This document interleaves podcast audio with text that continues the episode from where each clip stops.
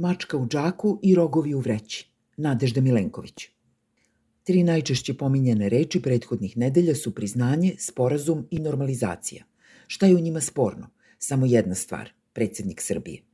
Za Boga, pričamo o osobi koja verovatno ne bi priznala ni vambračno dete, a kamoli posledice svojih drugih dela kao što je Kosovo. Pa on ne priznaje sobstvene laži, makar ih dokumentovali videozapisima. Niko nije pominjao najsmešniji virus. Nisam rekao da ću pokazati snimak sa naplatne rampe. Pijem samo čaj. Dok je fotomontažom proglasio i snimak njega sa nečim što više liči na pušku nego na kišobran, kao i fotografije njegovog sina sa kriminalnim klanovcima.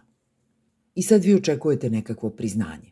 Od osobe koja ne priznaje da postoje drugi političari osim njega, samo Barabe i Ološ sa dna kace, i koja čak ni svojima ne priznaje pravo da se bave politikom. A većina opozicije kao da ga prvi put vidi i kao da ga prvi put sluša – On im ponovo prodaje mačku u džaku, a oni odmah krenuli ko rogovi u vreći da se prozivaju međusobno. Te ko neće ili hoće na razgovor koji nije formalno ni predložen, te preko kojih crvenih linija nisu prešli, niti će, te ko je NATO plaćenik i kakva će tek izdajica biti. Čovjek bi pomislio da je predsjednik Srbije tek prvi među jednakima, tačnije prvi među jednakima u krađi i laži.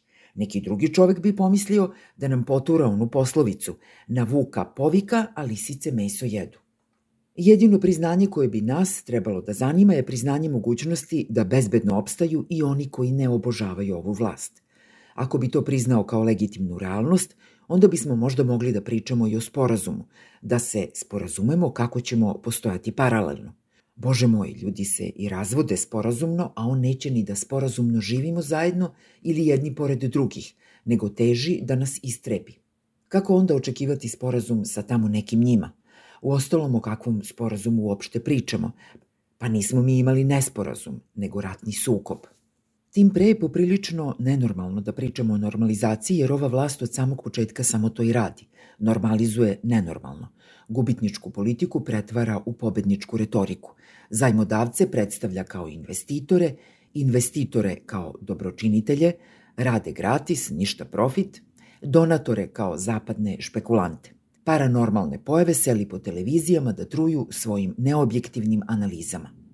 Priča o brzim prugama – Voz je brz, pruga je statična, dok vagoni iskaču jednom nedeljno i izlivaju hektolitre otrova.